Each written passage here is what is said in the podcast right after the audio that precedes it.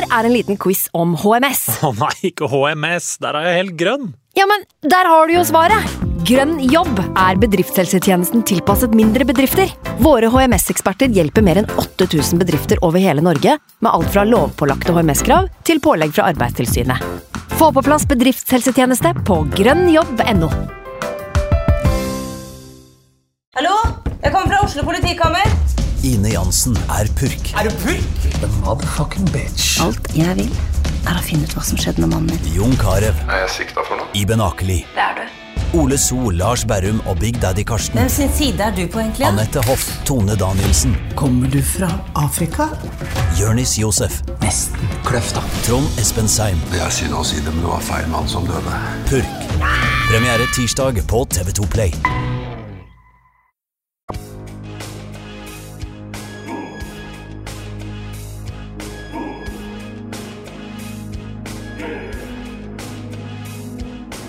69. Den 69. Den 69.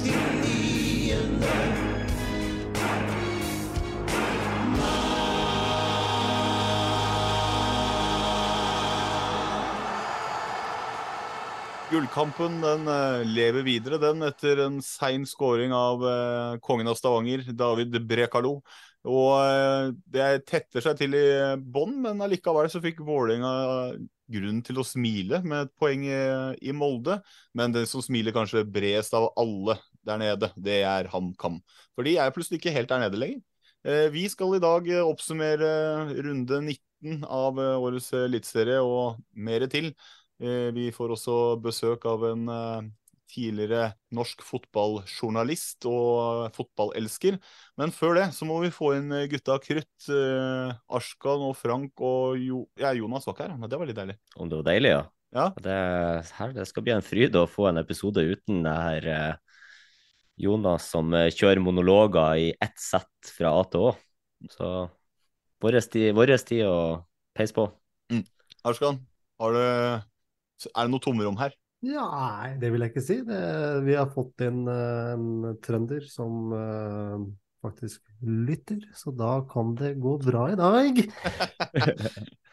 Ja da. Nei, men Det har skjedd mye på fronten uh, her i det siste. og det er jo, Vi kan jo bare si, hvis vi skal fra spøk til alvor det, uh, Jonas har brukt ufattelig mye tid på å planlegge eh, en vikingspesial som vi slapp, så jeg anbefaler folk å høre på hvis du ikke har hørt den. Eh, vi spilte også tidligere i dag inn en episode med Ståle Solbakken om landslaget, og litt eliteserieprat ble det også der. Eh, som han har brukt mye tid på. Så nå var det Jonas sin tur til å få seg en velfortjent pust i bakken. Og Frank, hva var det han sa at vi skulle Hva var det vi fikk lov til å si? Eh, ja, først og fremst så kan vi jo bare Vi må jo skryte faktisk av Jonas her. Mm. For Jonas har gjort en enormt god jobb med de to episodene der. Og den vikingspesialen var det jo jeg og han som spilte inn. Eh, men han Jonas gjorde eh, Altså, jeg tuller ikke hvis jeg sier at han gjorde 90% av jobben på det der. For, så han fortjener fri i dag. Det vi fikk lov til å si, hva var det meldinga sa? Han kunne ikke være her i dag fordi at han skulle se på sex og singelliv sammen med dama. Det var det, det eh, altså, han var vel livredd for at vi skulle dikte opp noe annet, så han sendte en melding og sa si det. Og da sier vi det. eh, og det, jeg, jeg skjønner frykten, egentlig. Så, eh, Så vi, men så vi skal Vi, ly- vi, vi, vi lyver. Vi gidder ikke å si hvorfor han er borte. eh, jo, jo, vi, vi sier hvorfor han er borte. Han fortjener fri. Ja, ja. Ja, det er, Jeg kødder, kødder mye med det. Jeg skal også bare kaste meg inn der og gi en litt skryt av den jobben han gjør på podden, eh, er enorm. Eh, pre- preppen til Vikingspesialen er jo én ting. sånn er det jo i Kodal, han har jo ikke noe annet å gjøre, så han setter jo ikke og jobber med poden. er Tønsberg er fem er minutter unna. Tønsberg, han, han lever et utsvevende liv. Der han pendler Kodal-Tønsberg flere ganger om dagen. Vi, vi klarte nesten å ha introen uten å fuck, fuck med han, Ja, det siste jeg sa til Frank før vi skulle begynne, at du skulle kanskje bare kjøre en sånn Nei, det viser vise Jonas hvordan det er å være borte og, og bli satt pris på. Det klarte vi nesten. Så, Nei.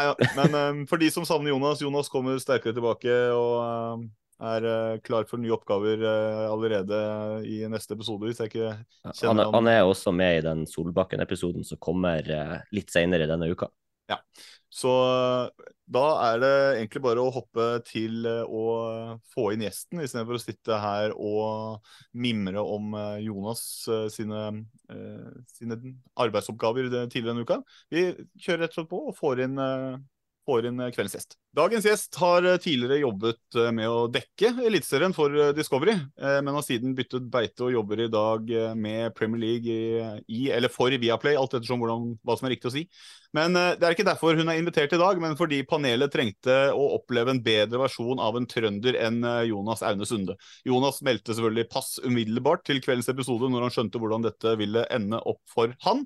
Så da er det vel egentlig ikke noe å vente på. Hjertelig velkommen til oss i dag, Gunhild Tollnes. Tusen takk. Det er veldig hyggelig å bli eh, invitert i en eh, så kruttsterk podkast som dette her har utvikla seg til å bli. Det, det er jo noe så voldsomt med ros på Twitter i disse dager, så jeg, jeg måtte jo bare ta muligheten når jeg fikk den servert her. ja, nå blir, vi- blir vi flaue her, så det må roe ned på skryten. Vi tåler ikke sånt.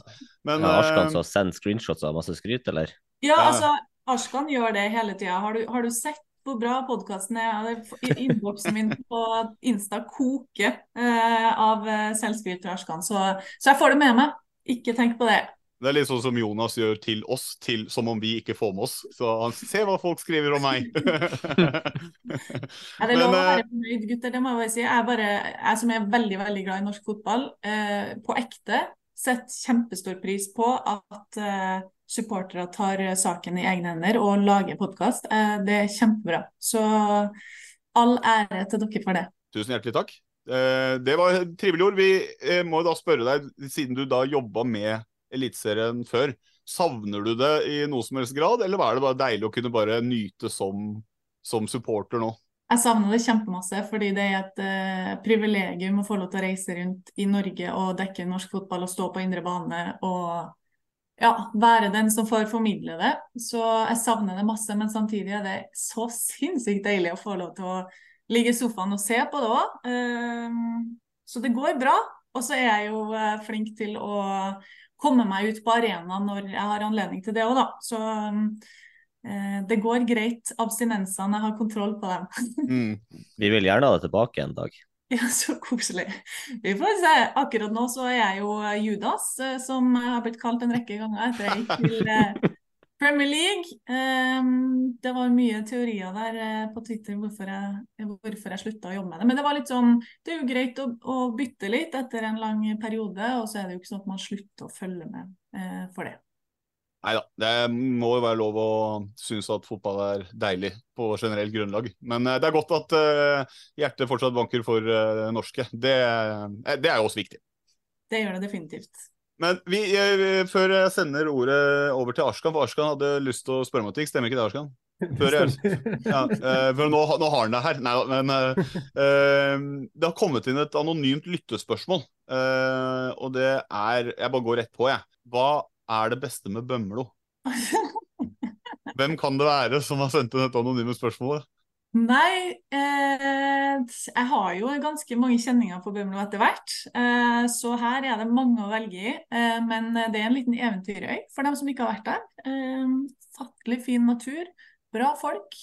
Eh, ikke oppdaga av eh, turismen. Altså det, hvis man vil dra dit og ha ro og fred og en god sommerferie i en rorbuss, så er det stedet å dra. Høres ut som Bodø, Frank. Ja, vi har to rorbrua. Ja, Eneste forskjellen. Men eh, da, da lar jeg det anonyme spørsmålet ligge der, og så får du grave litt på hvem som har sendt inn det. Arskan, da bare kaster jeg den eh, fiktive ballen til deg. Tusen hjertelig. Det er ikke ofte jeg får snakke med Gunhild. Eh, sist gang var det jeg ga henne covid eh, på The Broker eh, etter en bursdagsfeiring. Men velkommen til oss. Eh, takk, Arskan. Jeg er jo glad for at dette, denne podkasten tas opp digitalt nettopp pga. det du nevnte. For du smitta jo ikke bare meg, men en hel fest. Du var jo pasient null på denne festen. Eh, slo oss ut hele gjengen. Så det er litt tryggere å sitte her og å ha deg litt sånn på en armlengdes avstand, må jeg si. Det, det eh, forstår jeg. Jeg har full forståelse for det. Det var eh, ikke meningen å smitte alle, det var egentlig bare mest for å ta deg. Men eh, nå er vi nå her. Eh, fortell oss litt om hvordan du havnet i fotball. Eh, det gjorde jeg egentlig som følge av at jeg jobba veldig målretta mot det. Jeg hadde en eh, barndomsdrøm som egentlig starta da jeg gikk på barneskolen, om at jeg skulle bli fotballreporter. Og så starta jeg jobben mot det, og skrev eh, gratis for et fotballblad, Tottenhams Venner, i mange, mange år. Eh, og så begynte jeg å jobbe så smått i avis, og ja, jeg bare gjorde egentlig alt jeg kunne for å få lov til å dra på fotballkamp som journalist. Og så fikk jeg det til slutt, og det er jeg veldig glad for, for det er verdens beste jobb. Du, du har ordentlig passion for det, det er ikke sånn fake Twitter-kjør du kjører, at du er, du er ordentlig fotballinteressert? Uh, ja, uh, selvfølgelig er jeg det. Jeg har uh, vært der siden jeg var bitte liten. Og jeg tror også det skinner ganske fort gjennom meg på folk om det er ekte eller ikke. Så um, definitivt. Du har jo en kjæreste som jobber i fotballen, Eirik. hvordan er det å ha en bedre halvdel som jobber i, i idretten? Det kan være veldig praktisk sånn med tanke på uh, samliv, skal jeg si, at man har samme turnus. Uh, det er én ting. Men uh, sånn når det kommer til at man er, har en veldig stor felles hobby og interesse og jobb som man kan snakke om og dele, er jo veldig gunstig. og så er jo jeg veldig sånn nysgjerrig på, på spillet, så det, det er liksom mm. gøy å kunne stille spørsmål om om ting som er mer eh, fotballekspertland da, enn det jeg som reporter eh, kan. på en måte. Så eh, det er veldig mange fordeler med det, egentlig. Hvor lenge klarer du å bo, bo borte fra henne? Eller er du villig til å flytte til Molde for kjærligheten? Nei. jeg vil ikke bo i Molde. Jeg skal bo i Oslo. du, som nevnt hele trønder, er du Rosenborg-supporter altså? Ja. Jeg er jo det. Jeg er jo vokst opp i Trondheim, gått på mm. Siden jeg var liten. Eh, vokst opp med en storhetstid som var helt eh, vill. Vi ser jo, ser jo, det nå ganske langt unna, så det gjør det på en måte nesten enda større, det som skjedde den gangen. Så um, ja, et stort Rosenborg-hjerte. Men jeg fikk veldig mange spørsmål da jeg dekka norsk fotball eh, om det var vanskelig å ikke på en måte eh, kjenne på at du heide på et lag når du var på jobb, men det er ikke vanskelig. Jeg jeg skjønner at det høres rart ut, men du blir Du tenker annerledes. Sånn at det derre Rosenborg-hjertet mitt er liksom ikke bankende på samme måte nå som da jeg var liten. Jeg er en supporter av norsk fotball som helhet, jeg nå. Um, og jeg vet egentlig ikke om det kommer tilbake heller, men det er helt greit. Eh, hvordan, du, hvordan er det eh, som eh, Rosenborg-supporter som har vokst opp med Champions League si, hver høst, seriegull på bestilling. Hvordan er det å se Rosenborg nå? Det er veldig kjipt, egentlig. Jeg syns jo Eliteserien er kulest når Rosenborg også er gode, og det er fullsatt Lerkendal, og det koker. Så det er trist. og så ser jeg liksom ikke noe sånn umiddelbar løsning heller. Det er kanskje det kjipeste med det. det er ikke sånn at jeg tenker åh, utover høsten nå, eller til neste sesong, så vet jeg at det blir bra igjen. Mm. Så det er litt urovekkende. Litt kjipt. Og så håper jeg jeg tar feil når jeg tenker at det er lenge til de er tilbake på toppen. Ja, for du tenker det? Ja, jeg gjør det akkurat nå, så gjør jeg det. Og så mm. snur det jo fort i fotball, og så skjer det likevel. Men akkurat nå så føles det ut som veien er dritlang, rett og slett. Ja, eh, jeg bare når du snakker om, eh, når du snakker om eh, at det føles tungt å være der nede, så sier jeg bare hjertelig velkommen til min og Ashkans permanente levetilstand. Velkommen skal du være. Så, jeg, har vært der i 30, jeg har vært der i 30 år før de siste årene, så Men man glemmer fort, Frank. Man glemmer fort. man glemmer veldig fort. Jeg, jeg nyter tida. Ja, så nei, men uh, du skal få lov til å nyte, og så håper jeg at du krasjlander fort som svint. Men Da kjører vi en eh, aldri så liten eh, topp fem-kåring. vi har hatt eh, suksess med noen av disse kåringene før, og det var morsomt sist. Og denne gangen så gjør vi det personlig i retning gjesten igjen.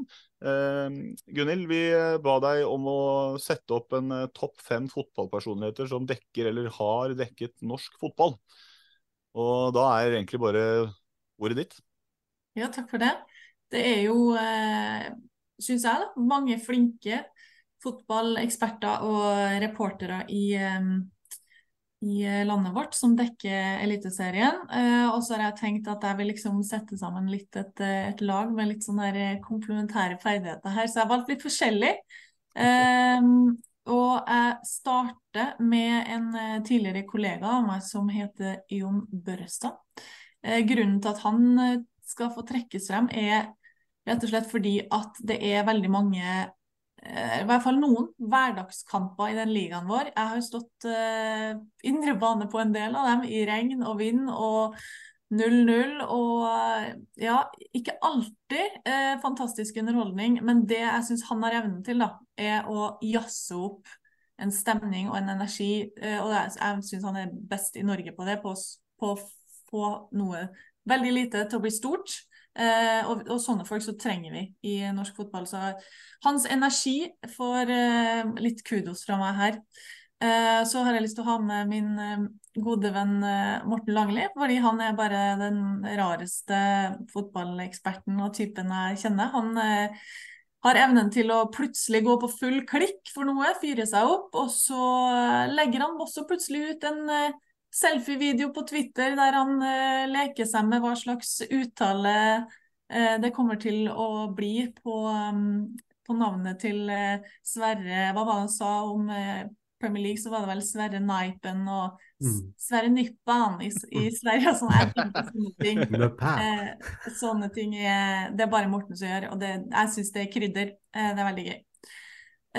Så har jeg med en, en noe omdiskutert mann. Eh, jeg vet ikke om dere er glad i han, men jeg er det. Eh, Jesper må med. Eh, grunnen til det Det kan være slo meg nå, han er jo vareelsker, så kanskje han er hata i dette forumet, men det får nå få være. Grunnen til at han må med, er for at han elsker norsk fotball. Han har et gigahjerte for ligaen. Han er høyt og lavt, og han melder hardt og kjører på, men han lever med ligaen. Og, og det er ekte, og det elsker jeg. Så derfor så må han med. Så har jeg tatt eh, ei som eh, kanskje ikke synes så godt, for hun er ikke like flink til å fremheve seg sjøl som de guttene jeg akkurat har snakka om.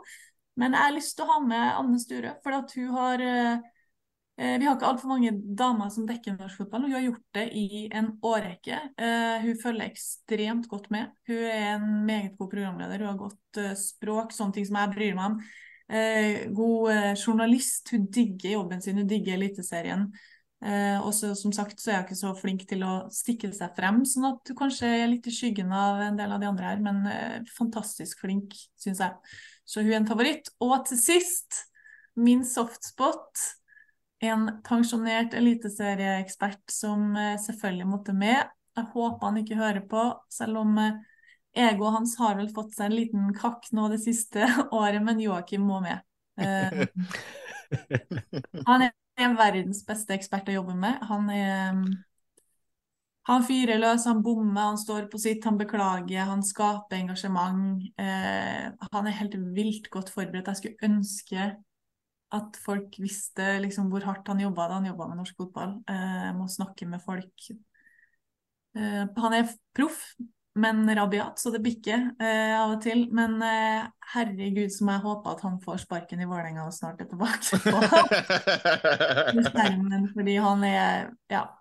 Og så håper han ikke hører det, for han er som sagt enormt fornøyd med seg sjøl som eh, fotballekspert, i hvert fall, selv om jeg lurer på om han kanskje begynner å tvile litt på seg sjøl som klubbleder akkurat nå, stakkar, jeg vet ikke. det er jo egentlig ganske nylig hvor han har uh, fått uh, sluppet vingene fri, da, som vil gi han litt mer tid. Det har jo blitt litt omstruktureringer der, men uh, vi er kanskje inhabile der, Arska. Men Frank, du har vel en topp 100 du, for å fylle inn komme noen forslag hvis det var noe som mangla, eller syns det hørtes greit ut? Ja, jeg kan godt si topp 100. Da er jo Gunnhild på 95 av de. Og Nei, jeg, jeg satte opp ei topp fem-liste her, og så utelukka hun Gunhild pga. hun skulle være med. Så jeg tok kun andre enn hun, men hun vil kjenne igjen på lista her at uh, jeg var veldig glad i indre bane, annet, og mye av sendingene de hadde på Discovery. Så femteplassen min er Asbjørn Myhre. Uh, fjerdeplassen min er Alexander Skau. Tredjeplassen min er Bernt Hulsker. Andreplassen min er Davy Vatne. Og førsteplassen min er Jokke. Ja. Gøy. Bra liste. Ja, Arskan, har du forberedt du, eller? Ja, forberedt, vet du. Ikke Du har det, ja? Ja, Du ja, har ja. Jeg glimter til iblant. Ja. Eh, Jeg har ikke rangert dem eh, i noen forskjellige rekkefølger, men jeg har litt forskjellige eh, varianter med meg i dag. Eh, Og første jeg ønsker å nevne, er Petter Myhre. Pga. På grunn av den enorme fotballkompetansen hans. Det er alltid deilig å høre på han, enten det var Premier League-studio eller i norsk eh, fotball. Du bare hører du, du hadde aldri nevnt han hvis han fortsatt var i Lillestrøm. Jo, jo, jo. jo. Nei, nei, nei. nei, nei. Oser, oser jeg tror ikke jeg kompetanse. Eh, nummer to er Jokke. Eh, for som han sier, engasjementet til Jo- Joakim Jonsson. Eh, og han melder jo hytt og gevær, han også, men det er, han treffer oftere enn han misser. Eh, så han er fin å ha med. Eh, Morten Langli, eh, selvfølgelig. Eh, litt for overskriftens skyld. Det er alltid gøy å gå på VG, og så ser du at Langli har mista huet helt mentalt. Og så har jeg en journalist, Eirik Nesset. Han syns jeg er ekstremt dyktig, og en av de, de få journalister med den integriteten. Igjen, det er ikke bare klikk det er snakk om der. Og så har jeg Gunhild Tollnes, da.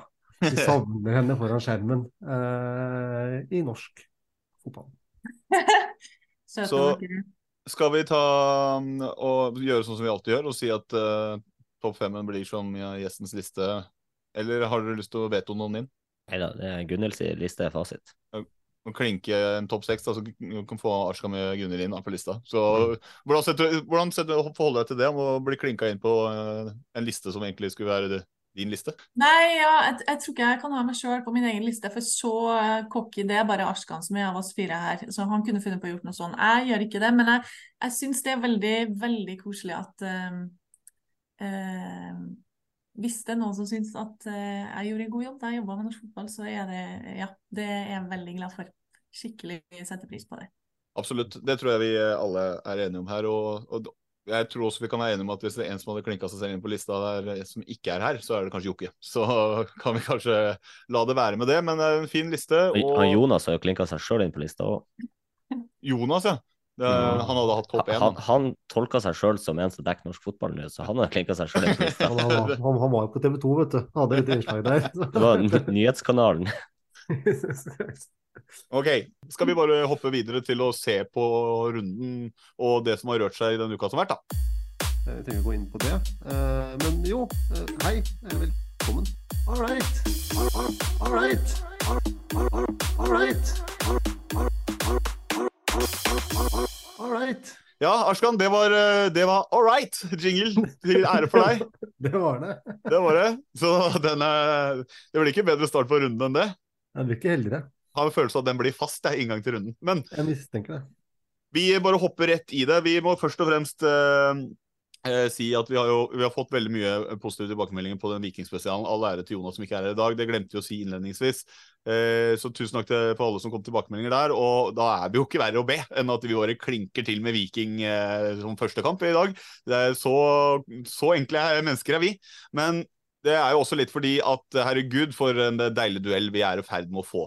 For når eh, da David Brekolo både starter og avslutter et angrep eh, seint, seint i matchen og sikrer Viking disse tre viktige poengene som gjør at de holder følge av poeng med Bodø-Glimt, så eksploderer Stavanger. Og vi er, vi er i ferd med å gå inn i en høst som eh, kan bli utrolig morsom, for, selv for eh, de som ikke ender opp med å måtte ta til takke med en annen valør enn gull. Så eh, da kan vi jo spørre Jeg kan spørre deg da, Gunhild. Eh, du har sikkert fått med deg at eh, det koker litt ekstra på Jattevågen om dagen? Det er vanskelig å ikke få det med seg, for å si det sånn. Jeg føler hele Twitter-feeden min er full av vikingfans som er skyhøyt oppe, men som samtidig er sånn Ikke snakk om gull! Det skal vi ikke gjøre! Eh, og så hørte jeg den der Vikingspesialen deres, og så så jeg jo Den var veldig fin, men jeg så at tittelen på episoden var én kamp om gangen, og da tenkte jeg hvem av de her brødhodene i Stavanger er det som har klart å lire av seg det? Og det var selvfølgelig Eirik Bjørnøy som sa nei, nei, vi skal ikke ta, av, ta det med ro her. Eh, men samtidig går ut og jazzer noe så voldsomt på Twitter hver gang de vinner en fotballkamp. Eh, det er gøy med, med, Stavanger som koker. Nå var det vel nesten fullt igjen. Eh, tenk at det er liksom Ja, det, det, er nesten fulle hus hver eneste hjemmekamp. Det er helt spinnvilt. Um, og så satt jeg uh, og så den matchen og bare hadde Du vet når du har den følelsen inni deg at det, målet kommer jo. Sånn hadde jeg det uh, da jeg så Viking, i motsetning til da jeg så um, uh, Molde-Vålerenga dagen før. da da trodde jeg liksom at det målet kommer ikke for Moldes del, men det er noe med Viking nå. Den flyten de er i, det momentumet de har de koser seg så fælt. Du bare visste at den der, den kom, og det gjorde den selvfølgelig òg. Og det, Jeg kan skrive litt under på det, at jeg visste hvordan den kom. Jeg var litt nervøs. Jeg kan spørre deg, Arskan. Du heide litt ekstra på Viking med tanke på posisjonen du og jeg befinner oss i akkurat da, eller? Jeg ble ikke sint da Bekalo skåret. Det ble ikke det, det ble jeg ikke. det skal jeg helt ærlig innrømme. Uh, men jeg synes, de, de kan, som Gunnhild sa, de sier at de ikke skal snakke om gull når du vinner, det er de kampene der du vinner, de du vipper mot, eh, til, til, til ditt favør eh, innover nå mot høsten, da vinner du seriegull. Når du klarer å ta med tre poeng der, eh, og spiller, de spiller jo en solid kamp, men de stanger mot, eh, mot eh, Stabæk som ligger bakpå og prøver å redde et poeng. Mm. Uh, men de gjør, altså de gjør, det er bare å ta seg hatten på Viking. De gjør så mye riktig her. De gjør så mye riktig på administrasjon, gjør på supporterfeltet sakte, men sikkert, vokser. Uh, de, uh, og så spiller de bra fotball. Så vi krysser alt vi kan for at Viking blir seriemestere i 2023. Gjør vi det, Frank? Gjør vi det? Selvfølgelig ikke. Det, der han Arskan jubla når det ble mål, så var jeg derimot eh, litt mer nedslått. Så jeg satt der med 3-1 i Glimt-kampen og bare venter på at Sandefjord og Stabæk skal klare å ri inn uavgjorte mot Tromsø og Viking, og så kommer det ene målet etter det andre i de to kampene, så tenkte jeg bare helvete òg. Vi, vi, var jo på et stadium der hvor ett poeng i Molde plutselig ble dårlig. Når både Sandefjord og Stabæk var i ferd med å ta poeng. Eh, men det ordna seg til slutt. Jeg syns også det var gøy. Han godeste Langås var jo i eh, fotballkveld hos TV 2 eh, etter matchen. Eh, hvor reporteren liksom sånn Ti kamper på rad med seier her nå, hvor lenge kan denne rekka fortsette? Og så melder gutten den kan fortsette til den stopper. Det var veldig godt sagt. ja, vi tar med oss den. Ja. Nei, men det, det, er ikke noe tvil om at eh, det koker ordentlig der. og eh, For den kampen hadde jo vi må snakke kort om Stabæk her også. Det er jo deep eh, shit på Bohin og co. der nå, eller hva, hva, tenker vi der? Eh? Nei, det er jo det, uten tvil. Um, jeg hørte Lars Bohinen var med i uh, en annen god podkast om norsk fotball, syns jeg. Fotballrådet til Vegard Vågbø, der han sa at, uh, snakka om at han var under press, og sa at det er mulig folk begynner å bli lei av trynet hans. Jeg vet ikke om det er det som er det største problemet, men uh, de er i kjempetrøbbel. Eh, vår gode venn Arskan Andreas Aalbu han har vel sett eh, mer lystig ut enn han gjør for tida. Ja, altså, jeg, jeg, sier det for hver runde. altså Hårfestet hans går én millimeter opp for hver, for hver eneste serie. Så når vi sitter her i desember, så er han skalla. Ja, fotball er ikke gøy. Det er, det er kjedelig, sier han. Jeg sier han Bjørnar sier òg det. Fotball er kjedelig. Ja. Nei, Det er klart det er morsommere når man eh, vinner enn når man eh, taper, men Stabæk er i trøbbel. og Til eh, glede for meg og Arskan så var det enda et lag som virkelig tok og tråkka ned i sumpa der. Men gullduellen lever videre. og det hadde ikke vært en duell hvis det ikke var for ditt kjære Glimt, da, Frank. Det har lugga kanskje litt mer på norsk eh, gress slash kunstgress eh, i en periode. Det har gått greit i Europa, men eh, nå var det vel kanskje ikke noe tvil, eller? Ja, men det kunne vært tvil. Uh, Glimt sleit spesielt uh, med farta til han Enjoy uh, i bakrom. Begge stopperne til Glimt får gult kort tidlig i første omgang, så det var utfordrende. Og førsteomgangen var litt sånn bølgete frem og tilbake. Så Glimt kommer jo fra europakamp tre dager tidligere, og nede i Armenia så gjorde Glimt kun det nødvendige. De spilte en veldig klok kamp der nede og tok en veldig kontrollert 3-0-seier i 30 varmegrader på 1000 høydemeter, uh, der de egentlig bare spilte med de kreftene de trengte å bruke for å spare beina inn til kampen her, da. Og så har Knutsen ja, og så har Knutsen i tillegg han har jo faktisk gjort noe sånn som å rullere lite grann, da. Så det er han jo ikke kjent for, og det vet vel Gunhild òg godt at han Knutsen han har jo han har ikke vært god til å rullere på laget sitt eh, de, siden han kom til Glimt. da. Men eh, det kommer jo annet inn en eh, Sondre Sørli som gjør en veldig fin kamp på høyreback, høyrekanten til Glimt her, og er toneangivende, toneangivende for at det faktisk blir snudd. da. Han er jo arkitekt bak 1-1-målet og tredje sist på 2-1-målet og skaffa i tillegg det røde kortet. Så shout-out til en spiller som ikke har fått spille så mye, da, og er egentlig litt bak i køen i den store troppen til Glimt. da.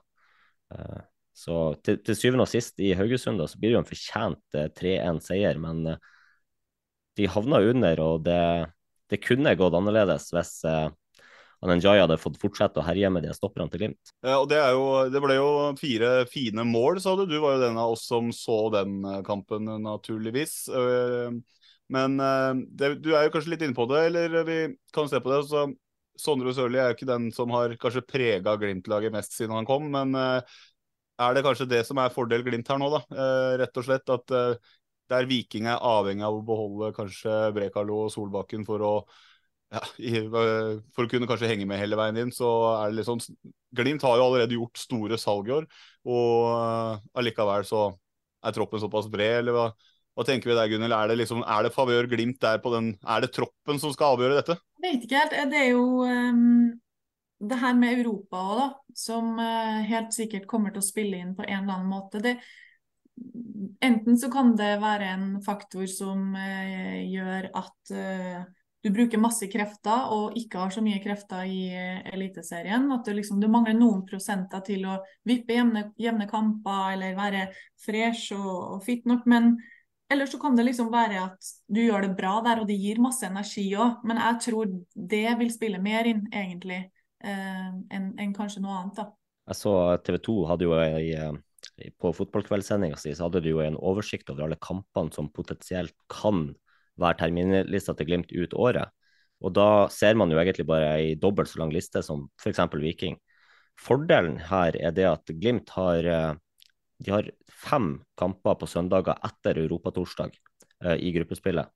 Fire av de er hjemmebane. Den siste kampen er borte i Molde, og da har Molde også spilt i midtuka. Men uh, Arskan, du er vel bare fornøyd så lenge Lode spiller? Så lenge Lode spiller, da er jeg happy. ja.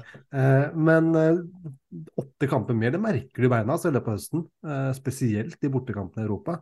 Um, så jeg tror eh, at Glimt har jo en brei stall, da, ikke sant? Sånn som Knutsen har begynt å rullere, som de sier. Eh, det er en skandale ja. hvis de ikke blir seriemester i år. Begynt er en overdrivelse, men han har prøvd.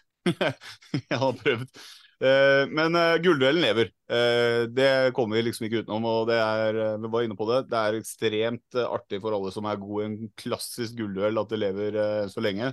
Så får vi se, da. Er det troppen, spillersalg som skal avgjøre, eller er det ekstra belastning i beina? Vi, vi, får jo fasit etter hvert. Hvis vi bare hopper tilbake til For du så jo Haugesund også der, Frank.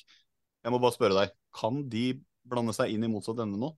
Eh, ja, de kan jo det, eh, men eh, samtidig det, Haugesund har noe som mange av de andre lagene nede i bånn ikke har. Mm. Og Det er det at de har to farlige angrepsspillere uh, i Diarra og Njay. I tillegg så har de har mye løpskraft i wingbackene sine. De har et par stoppere, Krygård, uh, Nyenkuri som, Det er mye kraft i de da. Så jeg har ikke trua på at Haugesund skal falle så dypt i det, men uh, man vet jo aldri. Men det er, eh, og grunnen til at jeg vil ikke helt slippe Haugesund også, er for at det er litt irritasjon. De har fått eh, en melding fra supportermiljøet der. Fordi det er ikke så lenge siden, det fikk du kanskje også med deg, Gunhild, at Sande signerte for Brann. Og dro dit og poserte med drakt mens han fortsatt er under kontrakt. Det var det mange Haugesund-supportere som tok tungt for hjertet at det, det var litt disrespektfullt. da. Uh, men han spiller og spiller, og det begynner å bygge seg opp en sånn liten frustrasjon med at er det veien å gå? Da må jeg bare spørre, i og med at dette er noe vi har fått fra Haugesunds indre, da, at det er ikke nødvendigvis representativt for alle, men at det er litt sånn Bør han liksom stå der og spille? Skal han være med ut i denne, det som kanskje kan bli en litt tøff høstsesong, eller hva tenker vi der? Er det, er det innafor det? Kan spørre, spørre, jeg kan spørre deg da, Arskan. Ja, har han signert for Brann? Ja. Ja. Fra og med neste sesong, da. Og sto og poserte. Mm. Ja, ja, men går da, hva, hva, er, problemet da? Han går gratis fra nyttår, og eh, Haugesund-supporterne ønsker at uh, det skal spille andre spillere i hans posisjon, sånn at de Mm. har noen å bygge videre på, i stedet for at de skal ta, bruke en brannspiller i gåsetegn som ja, da- er brannspiller neste år. Alternativet er jo Obos neste år. De må bruke de beste spillerne de har. Jo, men det er jo det problemstillinga at han Snorre, han Snorre spør jo om problemstillinga der, da. Skal du vekte for eller imot at han skal spille eller ikke? Jeg tenker Haugesund må tenke på, altså, Grindheim må tenke på hva som er best for seg selv eh, og for å opp, opp, beholde plassen i Eliteserien neste år. Hvis en skal begynne eh, og eh, ikke bruke de beste tilgjengelige spillerne, så man kan, ha et par gode angrepsspillere, altså, men det, det er et sted på grensa gå. Ars- Arskan på frieferd til supportergjengen i Haugesund, som sender inn diskusjonstema. Hva tenker du, Gunnar? Er det, er det greit å stå og posere med drakta der, og så fortsatt skal være en viktig brikke for å redde en eh, eliteserieplass? Nei. Det var, jo et, det var jo et veldig dumt valg. Kan vi vel alle bare være enige om at uh, vent med det til uh, året er ferdig. Ehm, ja, det, det var litt sånn umusikalsk hele greia. Så han skøyt jo seg sjøl litt i foten med å gjøre det, og da forstår jeg kjempegodt eh, frustrasjonen hos FKH-fansen, som på en måte ser en spiller posere i rivalens drakt liksom midt i sesongen. Det blir veldig spesielt. Men eh, når det er sagt, så tror jeg også at eh, hvis han er best på trening, og det beste alternativet de har, så er FKH i en sånn situasjon at de, de må spille for å overleve og sikre, sikre videre eksistens i Eliteserien. Og så får de eventuelt bruke noen andre når det er klart, tenker jeg. det, altså, det er ikke noen tvil om det er klønete gjort. Altså, det eh, diskuterer liksom ikke selve at, at han gjør om det er riktig eller feil, eh, men du må bruke den. Eh, og så kan eh, klubben eh, De kunne jo løst det annerledes, de kunne venta til dette sesongen. Eh, men eh, du må fortsatt, hvis han er den beste spilleren tilgjengelig, så må du bruke den. Ja, da. Da, var jeg, da er jeg fornøyd. Jeg, skal, jeg sitter ikke her og mener noe. Jeg bare, bare, jeg bare spør. ja, jeg mener alltid noe, men uh, kan ikke alltid si hva jeg tenker. Men et lag uh, som man liksom ikke klarer helt å avskrive fra denne gullkampen, men som på en måte ikke er helt med heller ennå, men allikevel er med, det er jo Tromsø. Fordi man kan liksom ikke glemme det som skjer i Tromsø. Fordi de har en hengekamp. Vinner de den, så er de to poeng bak. Da er du jo virkelig tett på. Eh, taper de den, så er det jo plutselig ikke så nærme igjen. Men eh, de er jo med, men litt sånn Schrødingers gullkandidat. Som er både med og ikke med, kan vi si det? Eller hva tenker vi, Gunnil, om eh, Tromsøs muligheter til å henge med hele veien inn nå? Jeg tenker i hvert fall at det må være enormt deilig for dem at alle vi sitter og snakker om at det er en gullduell, og så kan de bare kose seg liksom i bakgrunnen der og bare ikke bry dere om oss. Vi er totalt ufarlige, luskende bak her. Eh, men jeg må si for min egen del, da. eh, nå har jeg jo ikke fått fulgt eh, Tromsø eksempel, like tett som jeg gjorde når jeg jobba med, men jeg har liksom hele veien underveis i sesongen og tenkt sånn eh, det må jo glippe opp for dem snart. Nå må det vel skje snart. Utrolig imponerende, men nå eh, ramler de vel litt av. Men så har de jo aldri gjort det. Eh, så nå begynner jeg liksom å, å tro på at de kanskje kan melde seg inn eh, hele veien inn, da. I hvert fall så er ikke der nå at jeg tror at de nødvendigvis kommer til å ramle av. Eh, og jeg tror de bare nyter eh, å, være litt i skyggen av de to foran. Fordi Tromsø tok imot Sandefjord. Sandefjord som i hvert fall vi syns så ut som å ta eh, ser ganske bra ut med tanke på den høsten de har i møte. De har plukka mye viktige poeng. Eh, og det kunne kanskje endt annerledes her òg, men det er eh, marginale eh, avgjørelser som går, eh, og marginer generelt som går Tromsøs vei igjen. Eh, Napoleon Romsås eh, som blir matchvinner og skaffer da seg selv en luke til Molde. Og på samme tid sender Sandefjord i, tilbake litt i miksen, da, med de som eh, Etter den runden som vi fikk, da. Eh, Men, men Snorre, ikke for å ta fra han Romsås nå på målet, men herregud for et forsvarsspill han Toje. ja, det må du gjerne mene. Ja, Ja, det, ja, ja. For først, først så sentrer han bort ballen til en motspiller 30 meter fra eget mål. Og så når han da skal rygge tilbake i posisjon, så slipper han han Romsås bak ryggen sin, for han støter ut Jan Nordås i stedet, som ikke er i nærheten av ballen. Så han lar jo han Romsås få hele bakrommet og gå alene med keeper. Veldig overraskende at eh, Glimt-alibiet her klarte å gjøre Tromsø sin eh, fine skåring til negativt og dårlig av Sandefjord. Klart, jeg kommer aldri til å sende, si noe pent om Tromsø. Det vet jeg. Du, jeg tror du har sagt nok pent om Tromsø allerede i år, for du har jo prøvd å være nøytral eh, så langt det lar seg gjøre. Men Arskan, du, hva tenker du? Nei, jeg syns det var nydelig. Og godt å se. Han- en Nydelig fyr han er. Eh, Du ser intervjuene profilen som er i ferd med å bygges, Oslo-gutten eh, som eh, lykkes der oppe. Og så ser du at man koser seg. Spiller fotball, lever det beste livet. Og så en liten håndsrekning til Oslo øst i tillegg. Ja, altså, Hvis vi skal se på det nå, da, så var jo dette med to poeng opp hvis med en hengekamp. Men kanskje aller viktigst hvis man skal snakke om denne medaljen til Tromsø, er at du faktisk og det kommer vi til snart med Moldes resultat, og sine to siste resultater faktisk har fått deg aldri så lita luke der òg. Eh, det må jo gjøre at eh, selv eh, eh, beskjedne tromsøværinger kanskje kan begynne å tro på at det kan jo faktisk gå. For nå, vi, nå skriver vi eh, runde 19 eller 18 kamper for de da. Og Jeg skal si en til- pen ting om Tromsø. Mm. De tar medalje i år. For de som er topp tre nå, tar medalje. Det må være deilig å være Gaute Helstrup, da.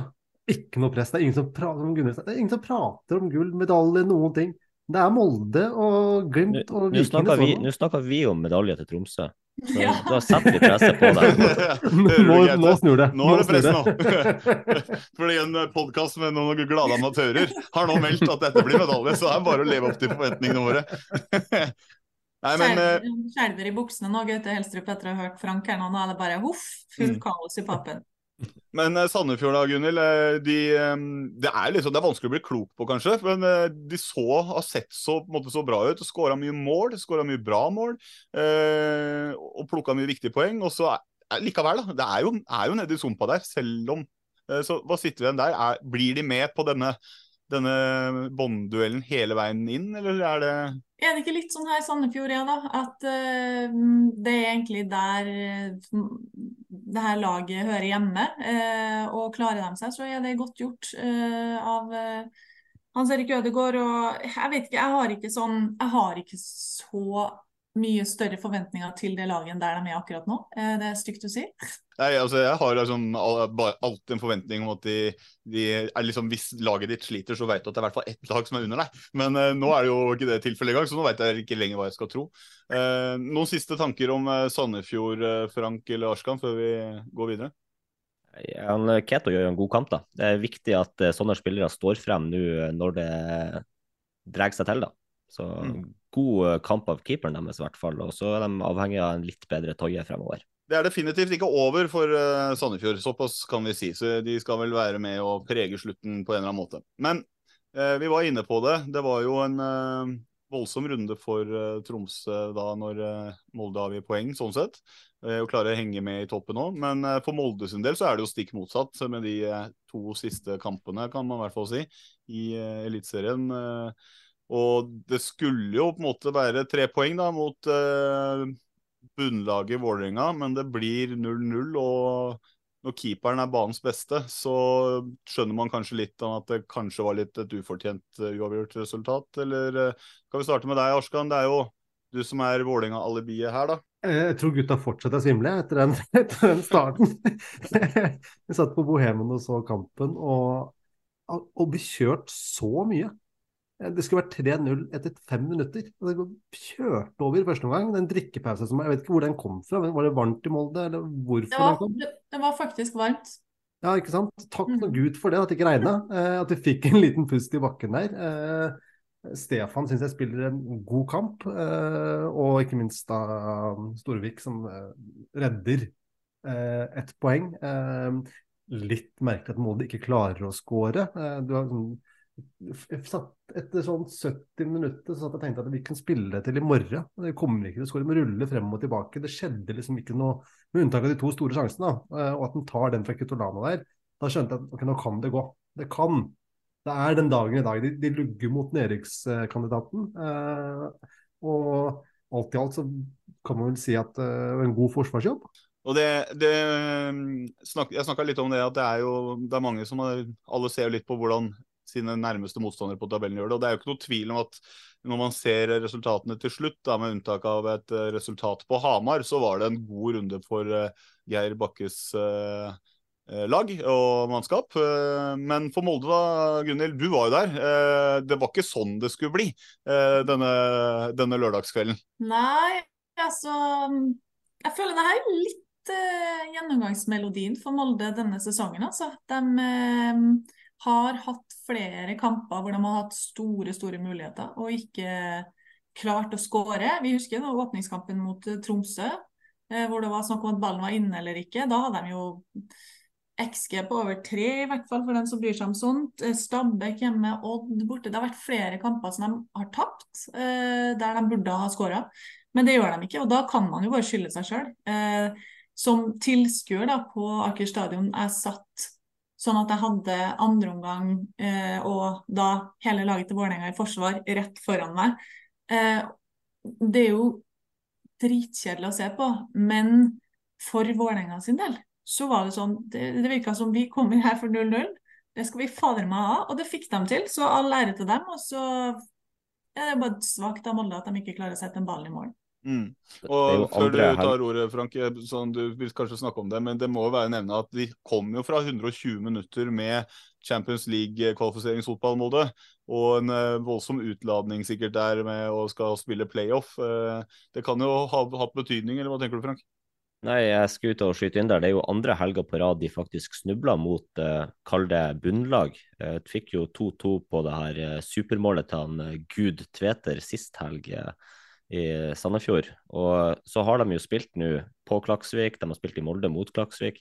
Eh, og det ble 120 minutter. Eh, så kampprogrammet og rulleringa og tunge bein, og det, det, er mye som spiller imot Molde akkurat her. da, og så snakka vi litt om Kjetil Knutsen og det å rullere. Kanskje det er en hybrid av Knutsen og Mo egentlig hadde vært det beste for å få det ultimate ut av en trener, da.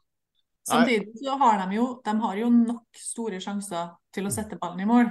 Så det er jo ikke liksom sånn at um, de er så prega at de er slitne og ikke klarer å, å skape dem. Uh, så um, jeg skjønner helt hva du mener, og det kan jo godt hende at det mentale spiller inn. At det er en utladning å, å komme seg til den, den playoffen. Og at du allerede er litt sånn ah, Galatasaray i hodet. Og det, i så fall så skjønner jeg det. Men uh, men det var noen svære sjanser, i den, særlig i starten av kampen der, hvor det bare var sånn Å, herregud, det her kan jo bli 4-0, liksom. Nei, Det var uh, i hvert fall et uh, kjærkomment poeng for uh, Vålerenga og et uh, litt uh, surere poeng for Molde. Men de skal i hvert fall se fram mot en playoff. Og kanskje betyr ikke det ene eller det poengtapet så mye hvis vi om en uke har Molde i, i Champions League. Da tror jeg kanskje den, den kampen er glemt ganske fort. Men var det noe mer rundt den kampen? Det var jo kanskje ikke en sånn høyde I hvert fall Hvis du skal snakke om Vålerengas angrepsspill, så kan vi runde av her. Men det er, kanskje, er det noe mer vi har glemt der, Orskan? Du fulgte jo den kampen tett. Nei, det, det, det syns du oppsummerer ganske bra. Vi reiste opp, uh, fikk et poeng, og så sayonara. Uh, ja. Det oppsummerte Vålerenga sin tur til uh, Molde. Det er ikke ofte man tar poeng der, så ikke bare, bare så det er sagt. når det først skjer, så feirer vi. Mm. Vi kan jo bruke et lite minutt på å snakke om den kampen som kommer på onsdag. da, At de faktisk møter Galatasaray, og det stjernemannskapet Galatasaray begynner å få bygd opp. da. Så jeg er veldig spent på altså Hvis Molde får et godt resultat nå på onsdag på hjemmebane, det er de avhengig av for å kunne dra ned til heksegryta, i hvert fall. Jeg håper, eh, jeg er ikke sånn konfidenssupporter, altså. jeg håper det selvfølgelig går fullstendig på ræva. Men det gjelder alle dere som er i Europa, altså. Men, eh, så, det er ikke noe Molde, spesielt Molde-hatt. Men eh, apropos da, utladning. Eh, man kunne jo kanskje trodd at Brann skulle få det, de. For de hadde jo en, en kveld man kanskje sjelden glemmer eh, før denne runden.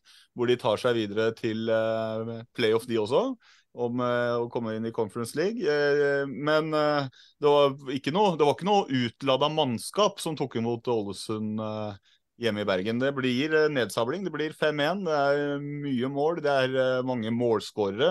Og ja, ÅFK trykkes enda lenger ned på den sisteplassen. Og da, kan vi spørre deg. Vi kan spørre først om, om Ålesund, Gunhild. Hva tenker du nå? Det, ser det ut som å være spikeren i kista når du får den. Du får ikke noe drahjelp for at det er kvalikkamp i beina, ingenting. Nei. Eh, jeg tror Det er ikke veldig kontroversielt å melde at eh, man tror Ålesund går ned sånn som det ser ut akkurat nå. Eh, og det var kjempebra Brann for all del, men en del av det er også at Ålesund er dårlig. Eh, og det er en tøff jobb å skulle snu det der. Det er jo På et tidspunkt så begynner du å bli såpass prega av eh, alt du opplever også. Så eh, hvis de klarer å snu det, blir jeg meget imponert. Jeg tror det ikke. Nei. Nei, jeg tror eh, Hvis man går inn på TV2 Play og så går du inn og så ser du på eh, det som skjer når den blåser til pause Da blir alle spillerne intervjua, eller alle, noen blir intervjua på vei inn. Så spør TV 2-reporteren en Ålesund-spiller, husker ikke hvem det var på farta, eh, hvordan eh, skal dere klare å snu det her? Og så bare svarer han nei, det vet jeg ikke. du får bare prøve eh, å, å gjøre det treneren sier, så kan det hende at det går. Men han, altså, det var ingen hjemme. Han var helt lost. Eh, og det tror jeg oppsummerer Ålesund nå, at det, de er litt De har ikke fått den effekten eh, av det rotet som skjedde um, med trenerskiftet og bråket i Ålesund. Nei. Jeg tror jo at eh, den eh, brannkampen på torsdag der de slår eh, ut av Roka og går videre til playoff mot AZ Alkmaar, jeg tror den har motsatt effekt for dem kontra det Molde opplever. Jeg tror de får en boost av det. Jeg tror de får en ny energi inn i gruppa fordi at de ser oi, dæven, nå har vi kommet oss til en playoff. Eh, så jeg tror de rett og slett får ei vitamininnsprøytning. Og jeg har egentlig beskrevet ett stikkord om den kampen her, og det står bare fest. For det var det det ble på Brann stadion, rett og slett. Nei, altså det, det er jo ikke noe tvil om at eh, det ser stygt ut for Ålesund. Men eh, Brann har man jo også snakka litt om at eh, de, de hadde en god start, eh, og så det ramla litt av. Det ble litt salg, det ble litt skader, det ble litt tynn tropp. Eh, det har kommet noen forsterkninger, spesielt Kartum har jo vært eh, stor etter at han kom. Men So, Soltvedt er, i Bergen nå. Mm. Og det, det er nesten bare som, som budsjettert med at det ville kunne komme en liten dupp på Brann der, eller? Eh, Men at de viser at det, det var ikke noe blaff det her. De kan fort henge med om en kamp om topp fire, topp fem, egentlig hele veien, de? Eller hva tenker du, Gunnhild? Eh, ja, sånn som det ser ut nå, så virker det som de har kommet seg mer ovenpå igjen, eh, på bakgrunn av det du eh, akkurat sa. Så jeg tror på det. Og, og så må jeg bare si, altså, nå sa vel du at du ikke vil ha norske lag ute i Europa. Jeg vil ha jo flere, jo bedre. Eh, vi har jo Conference League og Europa League i Viaplay, så jeg, jeg, jeg, eh, Ja, selvfølgelig. liksom, I fjor eh, høst eh, Men Da- bet, bare et spørsmål, spørsmål. Betyr det at du egentlig vil at Molde skal tape mot Galatasaray, sånn at du får dem i Europa League? Nå, nå tror jeg jeg ikke får lov til å dekke Molde uansett. Men eh, jeg, jeg skal sies at jeg ville at Glimt ikke skulle gå inn i Champions League fordi jeg ville ha Glimt i Europaligaen i stedet. Det sa jeg til dem òg, og det får de bare ta som et kompliment fordi jeg er glad i dem. Eh, jeg håper at eh, vi kan få litt sånn norsk eh, europahøst, for da, da får jeg en smakebit av de norske lagene. på Det var det jeg òg ønska. Jeg ønska at vi skulle ryke mot Zagreb, sånn at du kunne dekke oss. Ja! Nei, altså, vi skal ikke, vi skal ikke sitte og krangle oss eh, eh, koeffisienthatere mot kosientelskere. Det er ikke dette denne episoden eh, trenger å handle om, og det skal være lov, det. Altså, vi skal jo si at For vi som håper alle ryker ut, så er det jo underholdning i å, å holde med europeisk lag. Det er jo alltid morsomt å prøve, prøve noen nye varianter fra kontinentet og leke fan for en eh, kveld, eller hva, Arskan? Definitivt, det er helt nydelig. Uh, eneste måten vi kommer oss ut på Europa på, så da får vi bare nyte det. Hei på Sepsi på torsdag. Hva sa du? Hei på Sepsi på torsdag. Ja, hvem spiller de imot? Eh, Glimt. Ja, nei, men da holder vi med det. Det, det, det, det er der jeg er. Har tatoveringen klar, jeg, Så jeg er ikke tenkt på det. Ja. Og Lode under. Så. Men eh, nei, men vi, det blir spennende å se. Eh, Brann skal jo også da ut eh, i eh, to eh, også tøffe kamper. Det kan jo spennende å se hvordan det slår ut på uh, eliteserieformen eventuelt, eh, når de står eh, og teller opp der. Om de får en utladning eller boost, som Frank eh, snakker om. Men eh, det var ikke noe tvil om at de, de mente alvor mot Ålesund og tok de poengene. Og da er vi egentlig ferdig med den kampen. Eh, vi eh, det blir en sånn naturlig greie, fordi For den observante lytter så har man kanskje skjønt at vi har egentlig gått fra toppen og ned på tabellen. Og eh, vi har egentlig kommet til den siste som ligger liksom bak denne eh, T-trioen, og det har vi eh, Lillestrøm. Eh, der eh, skal de eh, bort på Marienlyst og møte Strømsgodset, som først og fremst kom fra en forferdelig rekke. Og så fikk de da en positiv opplevelse igjen og skulle begynne å bygge videre på det. Så det er ikke noe walk in the park å dra dit da. Men de drar med seg tre poeng hjem en to, 2-1 knepen 2-1-seier. Og Arskan, du så den matchen og sa det var svett for Lillestrøm på slutten, eller hva, hva tenker du der? Ja, det var det, men det var ikke en knepen 2-1. Jeg syns de kjører over godset Ja, eh, egentlig i hele kampen. Men så, få, så er det sånn symptomatisk for sesongen til Lillestrøm òg, at de får litt sånn hjerneblødning i forsvar på et eller annet tidspunkt i kampen. Eh, Denne gangen kom det litt mot slutten. Eh, og da var det lite kjør mot, mot Lillestrøm. Men de vinner fortjent. Jeg syns godset var ordentlig dårlig. Jeg syns det har vært dårlig lenge. Du sa du fikk en opptur i forrige runde, men da var det Serp bedre. Eh, Og godset var heldig og fikk med seg tre poeng. Så jeg er veldig spent på hvordan Isnes eh, klarer å snu det. Eh, for hvis det, det er ikke mange kamper de skal tape seg før de havner ned i sumpa med oss. Eh, men jeg tror de kanarispurvene er vel sikkert fornøyde med tre poeng. Og så har de mest sannsynlig også oppdatert bakketabellen igjen. Ja, det har de nok. Apropos godset og positiv opplevelse, det var jo mer det at du så hva det betydde å få den trepoengeren igjen. Eh, Men eh, de skriver jo nå i dette øyeblikk få seg inn på en tiendeplass og 23 poeng, så det er jo en komfortabel luke ned til f.eks. Vålerenga med 16 da, på kvalik. da. Eh, Gunhild, kan, kan godset klare å rote seg inn i det her, eller er det, er det litt sånn ingenmannsland eh, det blir på de nå?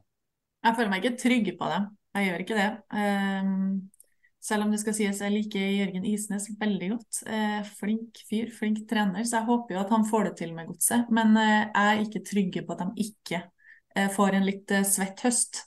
Og så syns jeg det var gøy at min ekskollega Eirik Bakke fikk seg en trepoenger i, i første match tilbake i garderoben der han føler seg hjemme. Han, han gleda seg jo sånn til å komme inn et sted hvor han følte seg trygg. Han syntes det var så 100 ganger verre å sitte i et Premier League-studio enn, enn å gå tilbake i en garderobe som leder, så det var fint for han. Og så så jeg også at eh, Lillestrøm-podkasten Harde mottak eh, hadde lært seg bakkespråket, for de skrev blau for draktig. Så da, var de, eh, da begynner de å forstå hverandre på Åråsen, og det er jo godt eh, nytt for eh, gjengen der. Ja, Det lover jo kanskje bra for høsten. For det er ikke noe tvil om at det ble ikke den sesongen som Lillestrøm kanskje hadde sett for seg. Eh, og nå har jo også Akor Adams eh, dratt. Og hva er det i dette øyeblikk så er han er, Eller kanskje før eh, Pellegrino skåra, nå vet jeg ikke, jeg er ikke helt oppdatert der. Men han var i hvert fall toppskårer i Eliteserien og Ligue Ø samtidig. Det er ganske spennende statistikk i sånn øyeblikksstatistikk. Men for Lillestrøm sin del, da, Frank, hva tror du det handler om nå herfra ut etter nå ligger det på en komfortabel sjetteplass og en liten luke ned til uh, Vålerengas eh, syvendeplass, uh, som vi ikke får i år. Det er jo en litt eh, rar situasjon, da. De har ansatt en trener som skal være der i fire måneder, eller hva det blir. Eh, Så jeg tror jo at for han eh, Eirik Bakke sin del, så handler det jo faktisk om det å vise at eh, han er en trener som hører hjemme på nivået, og dermed kan få enten en forlengelse der, eller at andre klubber fatter interesse for han etter hvert. Så jeg tror han kommer til å gi alt. Eh, klart Spillerne de de er jo ikke ferdige. Det her kan jo bli en fjerdeplass. De har jo hengt på Molde og Brann. Jeg føler det er du kan kalle det to trioer på topp. da Du har liksom Viking, Glimt og Tromsø, og så har du en trio bak dem igjen som skal kjempe om det som fort kan bli uh, siste europaplassen. da. Så de er jo de er langt ifra ferdigspilt, Lillestrøm-laget. De må bare gønne på. Og hvor viktig kan eh, Lene Olsen, eh, at han begynner å finne nettmaske til nå bli? da? Kan vi få se en ny Lene Olsen etter Akor Adams, uh, Gunhild? Eh, ja, altså vi har jo alle sett hva han kan få til når han kommer inn i den eh, flyten der. Så det hadde vært magisk eh, for dem hvis han tok fullstendig fyr i høst. Um, og det kan han vel. Eh, ser ikke noen grunn til at han ikke skal kunne gjøre det. Og så må jeg jo si, som Frank var inne på, sånn Lillestrøm har kjempemulighet, egentlig. De er i god posisjon. De er på skuddhold eh, til topp fire der, og må bare kjøre på. Jeg syns Gjermund Aasen var enorm i kampen eh, nå. Nøkkelen for å få en Lene Olsen god, er å ha en Aasen god, tror jeg. For at han Aasen serva han Lene Olsen så ekstremt godt eh, før han Lene Olsen forlot landet forrige gang. Hvor dro han da? Lurer du, eller er du bare ute etter å Jeg, jeg lurer oppriktig. Ja, Om man kan klubbnavn eller Det område? var var vel noe olje- oljepenger, var det ikke det? Det var Ja. Mm. Ja. Du vil Det bare, var ha, det du ville, ville høre? Jeg vil ha det. du vil bare ha det på tape? Nei, Sh- Shabab al-Ali, var det det? Jeg måtte De er- de er gode jeg, jeg huska ikke navnet sjøl. De er kjent for gode menneskerettigheter der borte, er det ikke? Jeg tror det er det de er best på, egentlig. Ja. Det, de sier så. Men eh, ellers da, fra, fra den eh, kampen, Arskan, du sa jo det var ikke så knepent. Er det noe du vil trekke fram eh, der som ikke har blitt nevnt eh, før vi eh, hopper videre, eller? eh? Nei, Jeg syns det var fullt dekket. Det god kamp på Lillestrøm fram til den uh, missen bak. Uh, jeg syns godset var uh, Ja, det var ikke noe, noe skryt av der. Men de var jo nærme på slutten. Det kunne fort blitt 2-2. Én ting da, er jo debutanten Melkersen som får seg en goal i første match. da. Han leverer jo ikke en god kamp, men han uh, har en uh, frekk flikk der som uh, Og det, jeg tror det er viktig for han å få visst seg at han kan score på det her nivået med en gang. da. Det er sikkert uh, utrolig deilig, bare for å vise For det blir jo alltid snakk om en spiss som ikke begynner å skåre. Det tar én, to, tre, fire kamper. Så da, det er sånn som fort kan sette seg i en spiss også, hvor du skal skåre mål. Og bare få den unnagjort. Sikkert, uh, sikkert gull verdt, det. Nei, vi får se. Vi får se. Uh, det som igjen, vi Arskan, vi sier igjen i at uh, det må gjerne bare sende folk ned i sumpa til oss. Vi tar dere imot med åpne armer. Vi, vi, det er ikke det det står på, så send gjerne strømskose vår vei hvis det er det det det skal stå om. Men hvis det ikke var noe mer der, så kommer vi til den posten i episoden som vanligvis tar desidert lengst tid, og det er når det er en Rosenborg-kamp på agendaen. Vi får se om det er annerledes uh, i dag, uh, når vi har super uh, sub for Jonas her, Gunhild. Nei, du er ikke sub for Jonas, du er gjest, men vi får se om det tar like lang tid når du som trønder da kan få lov til å si hva du tenker om HamKams nedsabling av ditt kjære Rosenborg. Hva sitter du igjen med sitter de med der, da? Nei, all ære til HamKam. Herregud, det skal de jo ha. Det er fint å starte med å, med å rose eh, det laget som slår eh, et, det som skal være et veldig mye bedre lag. Men det er jo ikke Rosenborg akkurat nå. Nå så jeg de snakka om at det var årsverste, enkelte av dem. Eh, det var bare drita dårlig. Og så snakker de også om at vi møtte ikke opp, og vi var ikke klar, og vi hadde ikke energien. Eh, det er jo ikke godt nok, selvfølgelig. Så den der svir sikkert helt enormt eh, på, på Lerkendal akkurat nå.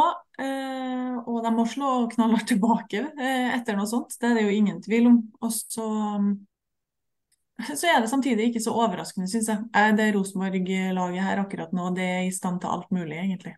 Men uh, HamKam, da. Er de trygge nå, eller Frank? HamKam har vunnet fem av de siste sju.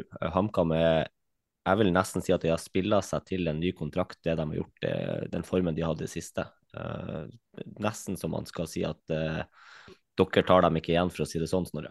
Nei, det er lenge siden jeg så på HamKam på tabellen, altså ikke tenk på det. Men uh, Arskan, hva tenker du? Sånn, HamKam, man kan jo ikke ikke bli imponert, for det er ikke uh, så lenge siden man satt og sa nei, de er ferdig.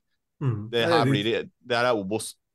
Knallsterkt levert, og de, de kjører over tamt Rosenborg, egentlig. Det er, eh, det, det er sikkert visst. Eh, og så er det jo sikkert mest sannsynlig for at eh, Reitan ikke spiller. Eh, han er da på benk.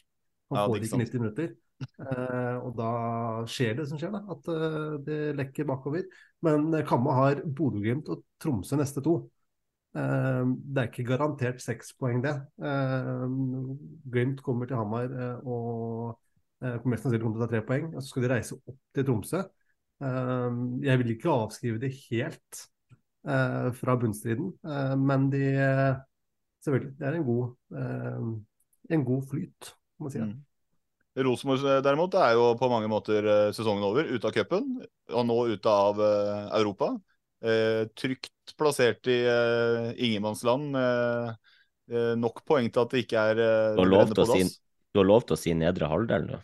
Ja, jo jo, men det er jo, det er jo på mange måter det ingenmannsland blir når det er liksom de, Hvis du ser oppover, da. Men eh, så det er jo sånn Det, det er noe det er, det er, noe litt sånn tomt akkurat nå over det som den sovende kjempen Rosenborg, var, hva, Gunnhild? Ja, definitivt. Ehm, det som vi snakka om i, i, sted, det er en blytung periode. Jeg vet ikke om Jonas hadde kommet med en sånn eh, jo da. Jo. lang og fryktelig rant her. Eh, ja. Jeg kjenner jeg har ikke det inni meg, men altså at det er store problemer der. Jeg vet ikke helt hvor de skal begynne engang. Man sliter litt med å se en rød tråd. Um, og så klamrer man seg fast til uh, disse unge talentene som man håper på en måte skal gi nok energi og positivitet til at det er noe å ta med seg. i alle fall. For akkurat nå så føles det ut som at hva, er, hva kommer denne høsten til å være, egentlig? Hva, mm. hva skal den gi? Skal den være en eh, forsøk på, på, på bare bli bedre, eller altså, har man begynt å se mot neste sesong? Det Det litt tungt. litt skremmende at det er en 16-åring som er eh, eh, det hele klubben holder seg fast til. Det er, det er nypan. Uh, selv om eh, du sa at Jonas hadde hatt en lang rant. Nei, han hadde en lang monolog eh, hvor han snakker om hvordan det egentlig er progresjon, eh, det vi ser i, i, i Rosenborg nå. Eh, men eh, oh, ja. men, eh, men eh, det, er, eh, det er synd for norsk fotball. Altså, det gjør ikke vondt for meg at Rosenborg gjør det som de gjør, men det er synd for norsk fotball at Vålinga, at Rosenborg og de gigantene ligger med brukket rygg. De skal jo være på, topp, på toppen. Men som Gunhild sier, da, det er mye unge spillere der. og Hvis vi svinger en liten tur innom Skottland, så er det mye av det som er rett og slett dessverre grunnen til at Rosenborg går ut der, da, er jo det at de virker veldig tynt besatt nå. De er skadeplaga på flere spillere. Reitan må ha der etter hvert, og det er jo nitrist fra Jonas. Eh, Det kommer inn spillere som ikke har erfaring fra nivået, og så skåra jo Hearts i 94. minutt eller noe sånt. og sender Rosenborg ut. Er det lov å prøve seg på den?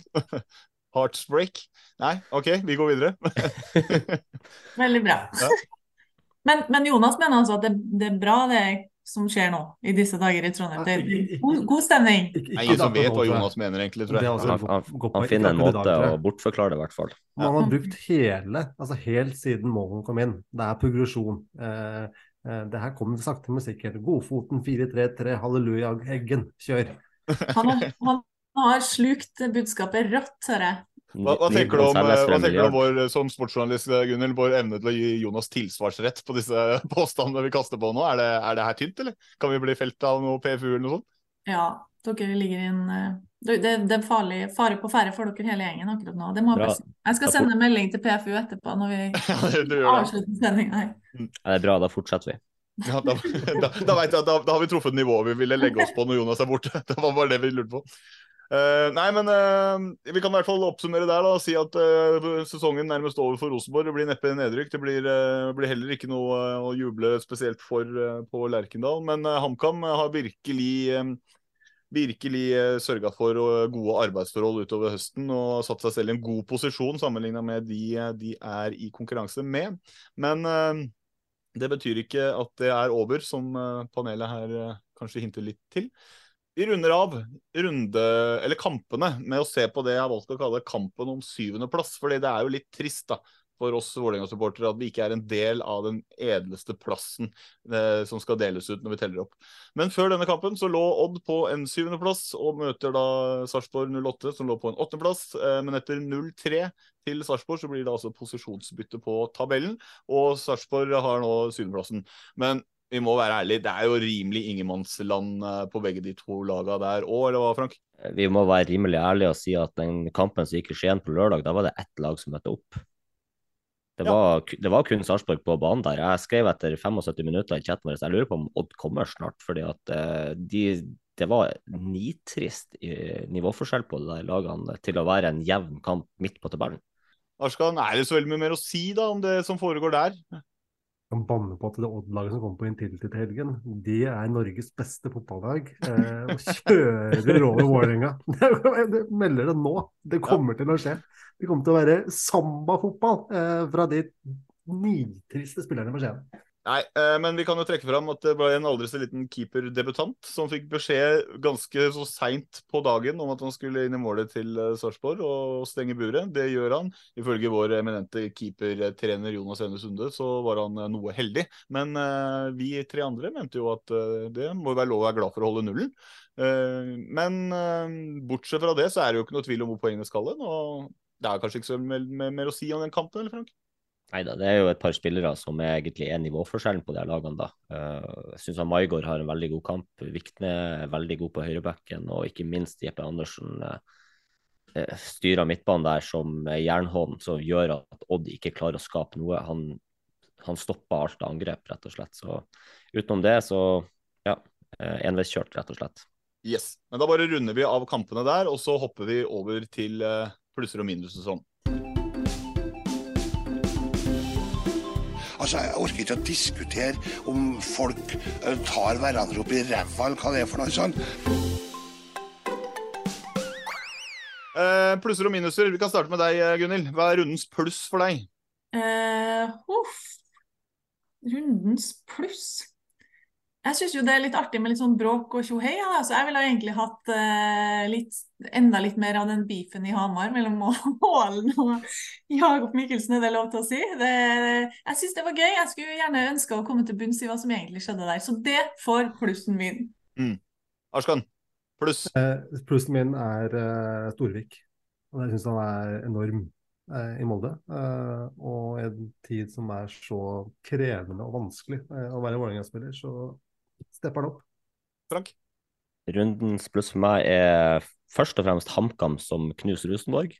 Og så er det Rosenborg-supporterne som står ca. 1000 stykk på Hamar og synger lenge etter kampslutt for å vise laget at de støtter dem, og har tatt turen eh, helt fra Trondheim. Så en sånn todelt pluss, kan du si. Ja, det er en bra pluss, da. Uh, minus, Gunhild, har du det, da? Eller er du utelukkende positiv til denne runden? Nei, minus for å være ineffektive Molde, da. For, for å si det. Mm. Ikke evne å skåre mål, da blir det minus i margen. Arskan? Rundens minus eh, kan vi vel eh, jeg, har, jeg vet at den kommer rett etter meg, eh, så jeg kan varme opp eh, vår eminente nordlending Frank. Og det går til eh, rettighetshaveren, TV 2, som nok en gang eh, viser sin inhabilitet eh, ved å ikke dra frem VAR-situasjoner og dommersituasjoner eh, som er feil. Så kan jeg bare lede den videre til Ja, gjør det. Ja, eh, for jeg har eh, en spesifikk situasjon jeg vil ta opp, og det er det at eh, rett etter pause i Haugesund så går Glimt egentlig opp til 1-0. dommer og VAR Eh, dommer velger faktisk å annullere målet for offside. Pellegrino sentrer til Faris, som er bak ball. Han er onside idet pasninga går. Eh, var, vi får ingen beskjed om at VAR sjekka situasjonen i det hele tatt. Ballen er i mål, så det er skåra før det er annullert offside på målet. Eh, vi får ingen informasjon fra sending, fra kommentator, noe som helst om at målet skal sjekkes, eller noe der. Eh, det er rett og slett eh, kommentator bare tar det for god fisk at eh, målet blir annullert av dommer. det blir ikke snakka om i fotballrunden, det blir ikke tatt opp på fotballkveld. og så skal vi gå tilbake til situasjonen, så kunne dommer også dømt for hodeskade på Nyakuri i forkant. men det gjør han heller ikke. Det er offside han dømmer, annullerer målet på. Og så blir det ikke tatt varsjekk på det. TV 2 snakka ikke om situasjonen i det hele tatt. Den eksisterer ikke i deres hoder, fordi at de vil ikke ha fokus på en hendelse som setter VAR i et dårlig lys. Ja. Det, jeg glemte å ta med meg selv. Skal jeg ta mine plusser og minuser? Vil du høre det? Gjør det.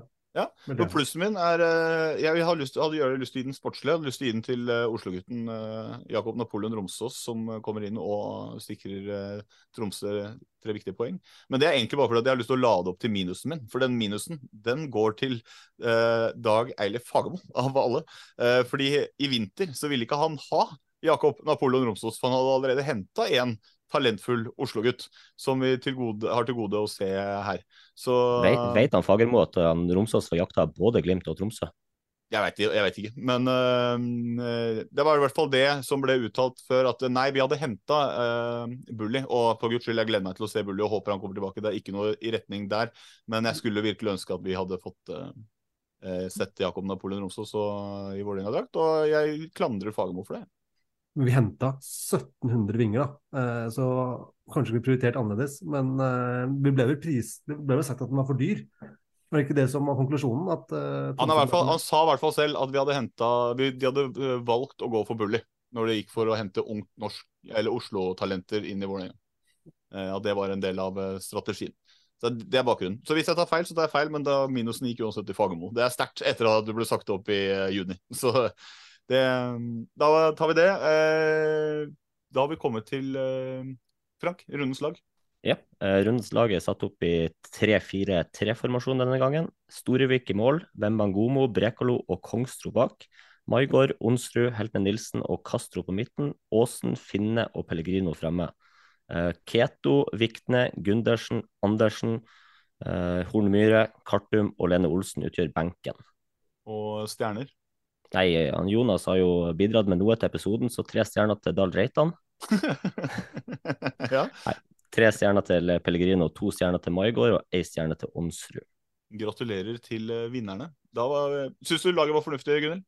Det høres eh, bra ut. Så vidt jeg kan forstå uten å ha sett alle matchene, så tror jeg at eh, Frank er inne på noe. For en gangs skyld. Ja. Nei da. Nei da. Før vi runder av, så tar vi og avslutter med tre kjappe spørsmål til hver av dere som har blitt med meg inn i vårt digitale studio i dag. Og vi kan starte med deg, Gunhild. Eh, vi sa jo at det kanskje var over for ÅFK, men da kan du nevne hvem rykker ned med ÅFK? Uh, Tre, tre kjappe, Gunhild. Ja, jeg vet, men det, er det, altså, jeg er dårlig på tre kjappe, for jeg vil tenke meg så nøye om. Skal vi, skal vi si um, Stabæk og Vålerenga da, gutter? Hæ? Ja, vi, vi kutter den på Stabæk, tror jeg. ok, eh, Høstens store overraskelsesspiller i Eliteserien, da. Hvem blir det? Spør du meg nå? Ja. Ja. Skal vi ta um, at det bare blir en vill høst for uh, Napoleon Romsås fortsetter å bare flyr inn i himmelen. Forelsket, og alt flyter opp i Tromsø der. Og helt til slutt til deg, Molde til Champions League og RBK-gull i serien. Eller RBK til Champions League og Molde-gull, hvis du må velge. Mm, nei, eller Molde til Champions League, da, ja. Ja, Og nytt gull eh, til brakka. Ja, Det er veldig lett å si det, for vi er jo så langt unna. Det går ikke an å se for seg engang. Ja. Men du unner ikke Molde å vinne noe flere gull, rett og slett. Så kan vi få ta et år i Champions League, og så ferdig med det. Frank, Yes? eh, spiller Brekalo i Viking når overgangsvinduet stenger? Nei. Og tror du fortsatt Molde tar medalje, da? Du svarte jo egentlig på i stad, men tror du de kan ta medalje? Nei. Nei. Eh, Saltnes med eller uten langt hår og pannebånd? Definitivt med. Og Arskan, hadde du fryst tabellen nå om du fikk muligheten? Nei. Hvem havner lengst opp på tabellen av HamKam Gods og RBK? Rosenborg. Og sjuendeplassen i år går til Lillestrøm. Der har vi det. Da er vi ferdig. Og da starter vi med å bare si eh, tusen takk til eh, deg, Gunhild, for at du tok deg tid eh, litt inn i Premier League-matchen som du også skulle se. Sett utrolig stor pris på at du tok deg tid til å være med oss og oppsummere runde 19 i kveld. Veldig hyggelig. Nå ser jeg at det er stadig 0-0 mellom Pelles og Arsenal, så da, da er det all good. Da skal jeg stupe inn i den matchen nå, og så har det vært veldig fint å få snakke litt norsk fotball med dere i kveld. Det har vært superhyggelig å ha deg med, og kanskje vi får se deg tilbake i vårt digitale studio en annen gang. Eh, Vi må også takke Frank og Ashkan for å virkelig vise at vi trenger ikke Jonas. Eh, Vi må også takke alle som hører på, alle som har sendt inn innspill, eh, og selvfølgelig Jesper Horten Kjærnes, Vestfold Lydstudio, Iver og Jan Erik Balto for utstyr, jingler alt, merch og alt det der. Jeg legger det i en bolk og bare avslutter her. Dere veit hvem dere er, hva dere har gjort. Tusen takk for det. Og til alle dere der ute, vi høres snart igjen. Hei då! Ha det godt.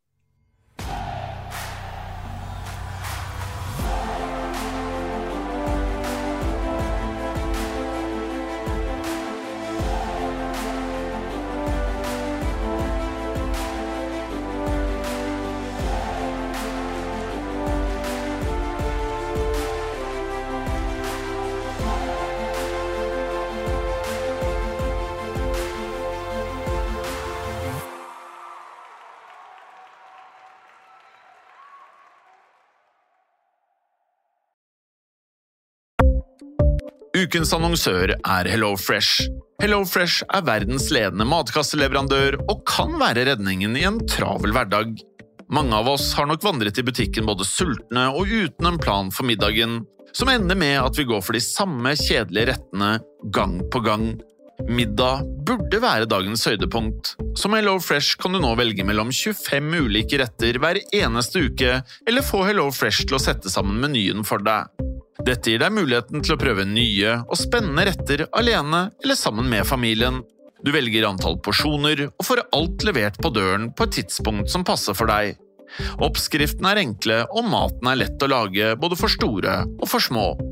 Ved å få alt levert hjem får du også mer tid til å dele matgleden med familie og venner. Kanskje det frister med asiatiske tacos eller greskinspirert kylling? Da kan jeg anbefale deg om å gå inn på hellofresh.no. Her kan du bruke koden FOTBALL og få opptil 1779 kroner i rabatt på de første fem matkastene hvis du ikke har prøvd Hello Fresh tidligere. Du kan også bruke rabatten hvis du har vært kunde og stoppet abonnementet ditt for tolv måneder siden eller lengre. Gå inn på hellofresh.no og bruk koden FOTBALL. Ukens annonsør er Folio, en smartere banktjeneste for deg som har en egen bedrift eller ønsker å starte for deg selv. Folio er en superenkel nettbank for bedrifter. Som kunde i Folio får du en bedriftskonto med et bedriftskort og app. I denne appen er det smarte løsninger som forenkler regnskapet ditt, uansett om du har en liten bedrift eller et enkeltpersonsforetak. Folio er både intuitivt og brukervennlig, og er laget med et enkelt språk. I tillegg tilbyr de forutsigbare priser og ingen skjulte gebyrer. Skulle du likevel trenge det, så kan du snakke med deres raske og hyggelige kundeservice, og der får du prate med en faktisk person og ikke en chatbot. Folio er med andre ord både enklere og koseligere enn banken. Over 10 000 bedrifter har allerede valgt Folio som sin banktjeneste, så besøk folio.no og se hvordan Folio kan forenkle din hverdag også. Har du et enkeltpersonforetak eller en liten bedrift? Da er du sikkert lei av å høre meg snakke om hvor enkelt det er med kvitteringer og bilag i fiken, så vi gir oss her, vi. Fordi vi liker enkelt. Fiken superenkelt regnskap.